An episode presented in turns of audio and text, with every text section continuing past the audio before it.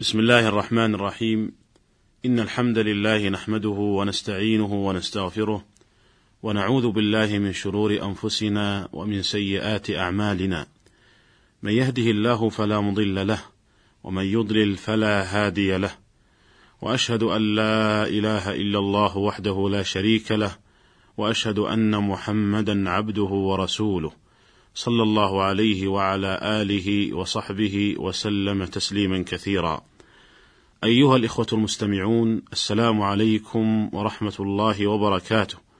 وحياكم الله تعالى في هذه الحلقة الجديدة من هذا البرنامج والتي سنتناول فيها الكلام عن أحكام الحجر. ونذكر في هذه الحلقة جملة من المسائل المتعلقة بالحجر ونستكمل الحديث عنها في حلقة وربما في حلقات قادمة إن شاء الله تعالى.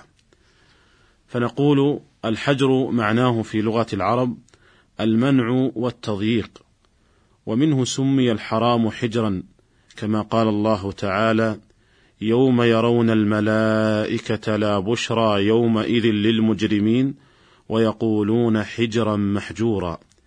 أي حراما محرما. ومعنى الآية يوم يرى المجرمون الملائكة يوم الممات ويوم المعاد فلا بشرى يومئذ للمجرمين. وتقول الملائكة لهم حرام محرم عليكم الفلاح اليوم. ومنه سمي العقل حجرا كما قال الله عز وجل هل في ذلك قسم لذي حجر أي ذي عقل؟ ومنه سمي الحجر عند البيت الحرام لأنه يمنع الطائفين من أن يطوفوا فيه وإنما يطاف من ورائه. ومعنى الحجر شرعا منع الإنسان من التصرف في ماله. ودليله من القرآن الكريم قول الله تعالى ولا تؤتوا السفهاء أموالكم التي جعل الله لكم قياما إلى قوله سبحانه وابتلوا اليتامى حتى إذا بلغوا النكاح فإن آنستم منهم رشدا فادفعوا إليهم أموالهم. فدلت هاتان الآيتان على أن الحجر على السفيه واليتيم في ماله لئلا يفسده ويضيعه أنه أمر مشروع وأنه لا يدفع إلى اليتيم ماله إلا بعد تحقق رشده فيه. وقد روي من طرق متعددة عند الدار قطني والحاكم وغيرهما أن النبي صلى الله عليه وسلم حجر على معاذ بن جبل رضي الله عنه وباع ماله في دينه. أيها الإخوة المستمعون، ويقسم الفقهاء الحجر إلى قسمين.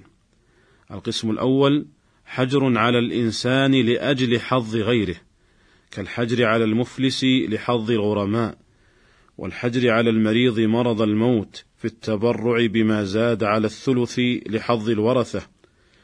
ومثل ذلك أيضا الحجر على الراهن في الرهن لحظ المرتهن. والقسم الثاني حجر على الإنسان لأجل مصلحته هو لئلا يضيع ماله ويفسده.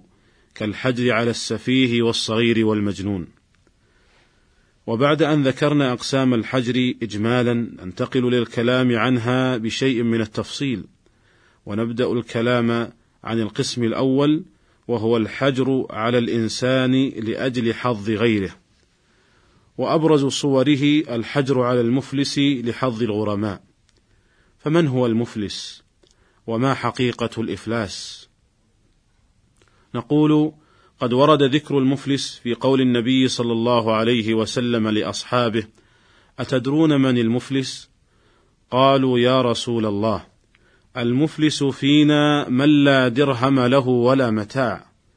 فقال النبي صلى الله عليه وسلم إن المفلس من أمتي من يأتي يوم القيامة بصلاة وصيام وزكاة ويأتي وقد شتم هذا وقذف هذا وأكل مال هذا وسفك دم هذا فيعطى هذا من حسناته وهذا من حسناته فإن فنيت حسناته قبل أن يقضى ما عليه أخذ من خطاياهم فطرحت عليه ثم طرح في النار. رواه مسلم.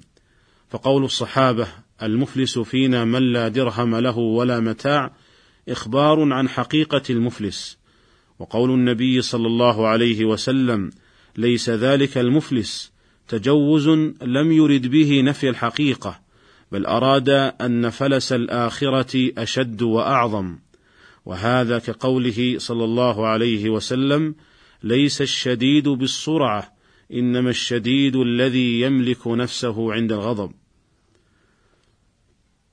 والمفلس عند الفقهاء هو من عليه دين حال لا يتسع له ماله الموجود.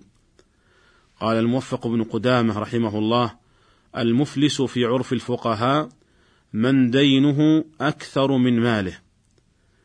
وسموه مفلسا وإن كان ذا مال لأن ماله مستحق الصرف في جهة دينه فكأنه معدوم.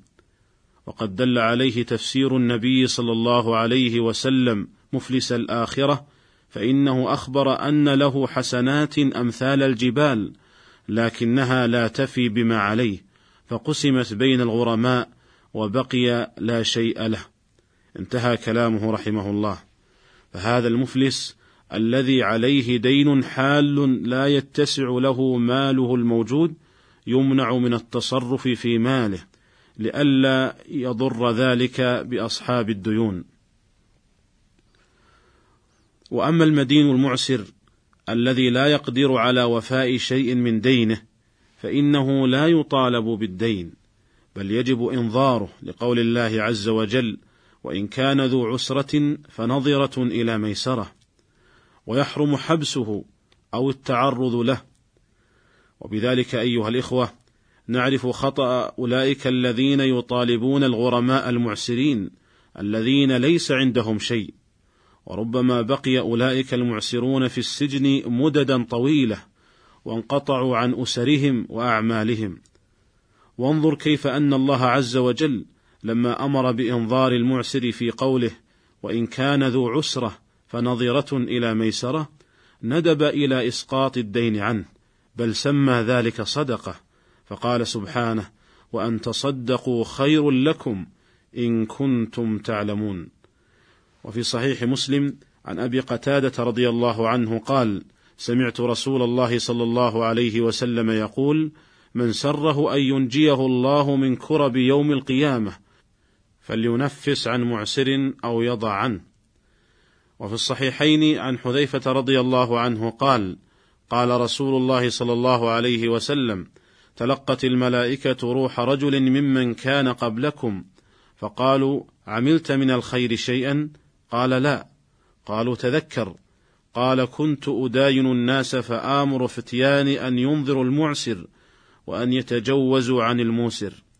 فقال الله تجاوزوا عنه. وفي رواية قال الله تعالى نحن أحق بذلك منك تجاوزوا عن عبدي. وعن أبي هريرة رضي الله عنه عن النبي صلى الله عليه وسلم قال من أنظر معسرا أو وضع له أظله الله يوم القيامة تحت ظل عرشه يوم لا ظل إلا ظله رواه الترمذي وقال حديث حسن صحيح. والأحاديث في فضل إنظار المعسر كثيرة. ولكن قد يدعي الإعسار من ليس بمعسر حقيقة خاصة في زماننا هذا. الذي قد كثر فيه التحايل وحينئذ فلا يثبت الإعسار إلا ببينة تخبر عن باطن حاله وتشهد بإعساره. وقد نص الإمام أحمد رحمه الله على أنه لا يثبت الإعسار إلا بثلاثة واحتج بحديث قبيصة ابن المخارق رضي الله عنه أن النبي صلى الله عليه وسلم قال إن المسألة لا تحل إلا لأحد ثلاثة وذكر منهم رجلا أصابته فاقة حتى يقول ثلاثة من ذوي الحجى من قومه لقد أصابت فلانا فاقة فحلت له المسألة حتى يصيب قواما من عيش. قال الإمام ابن القيم رحمه الله: إذا كان هذا في باب أخذ الزكاة وحل المسألة، ففي باب دعوى الإعسار المسقط لأداء الدين أولى. قال فهذا صريح في أنه لا يقبل في بينة الإعسار أقل من ثلاثة رجال وهو الصواب الذي يتعين القول به لأن الإعسار من الأمور الخفية التي تقوى فيها التهمة فروعي فيها الزيادة في البينة. وأما من له قدرة على وفاء دينه فإنه لا يجوز الحجر عليه لعدم الحاجة إلى ذلك. ولكن يؤمر بوفاء ديونه إذا طالب الغرماء بذلك لقول النبي صلى الله عليه وسلم مطل الغني ظلم أي مطل القادر على وفاء دينه ظلم لأنه منع ما وجب عليه أداؤه من حقوق الناس. فالمماطل بقضاء ما عليه من الحق آثم بمماطلته وظالم بها ويستحق العقوبة بالحبس والتعزير. لقول النبي صلى الله عليه وسلم لي الواجد يحل عرضه وعقوبته. رواه أحمد وأبو داود والنسائي وهو حديث حسن. وقوله عليه الصلاة والسلام في هذا الحديث يحل عرضه أي شكواه وعقوبته أي حبسه. فإن أصر على المماطلة فإن الحاكم يتدخل فيبيع من ماله ما يسدد به ديونه دفعا للضرر عن الدائنين. أيها الإخوة المستمعون، تلخص مما سبق أن المدين على ثلاثة أقسام، الأول من ماله أكثر من الدين، فهذا لا يحجر عليه بل يؤمر بوفاء الدين، فإن امتنع حبس وعزر، فإن امتنع بيع من ماله ما يسدد به ديونه. والقسم الثاني من ماله أقل من ديونه فهذا هو الذي يحجر عليه التصرف في ماله إذا طلب الغرماء ذلك. والقسم الثالث المعسر الذي ليس عنده شيء يسدد ما عليه من الديون. فهذا يجب إنظاره ولا يجوز حبسه ولا مطالبته بالدين ما دام معسرا. أيها الإخوة المستمعون هذا هو ما اتسع له وقت هذه الحلقة وإلى لقاء في حلقة قادمة إن شاء الله تعالى. والسلام عليكم ورحمة الله وبركاته.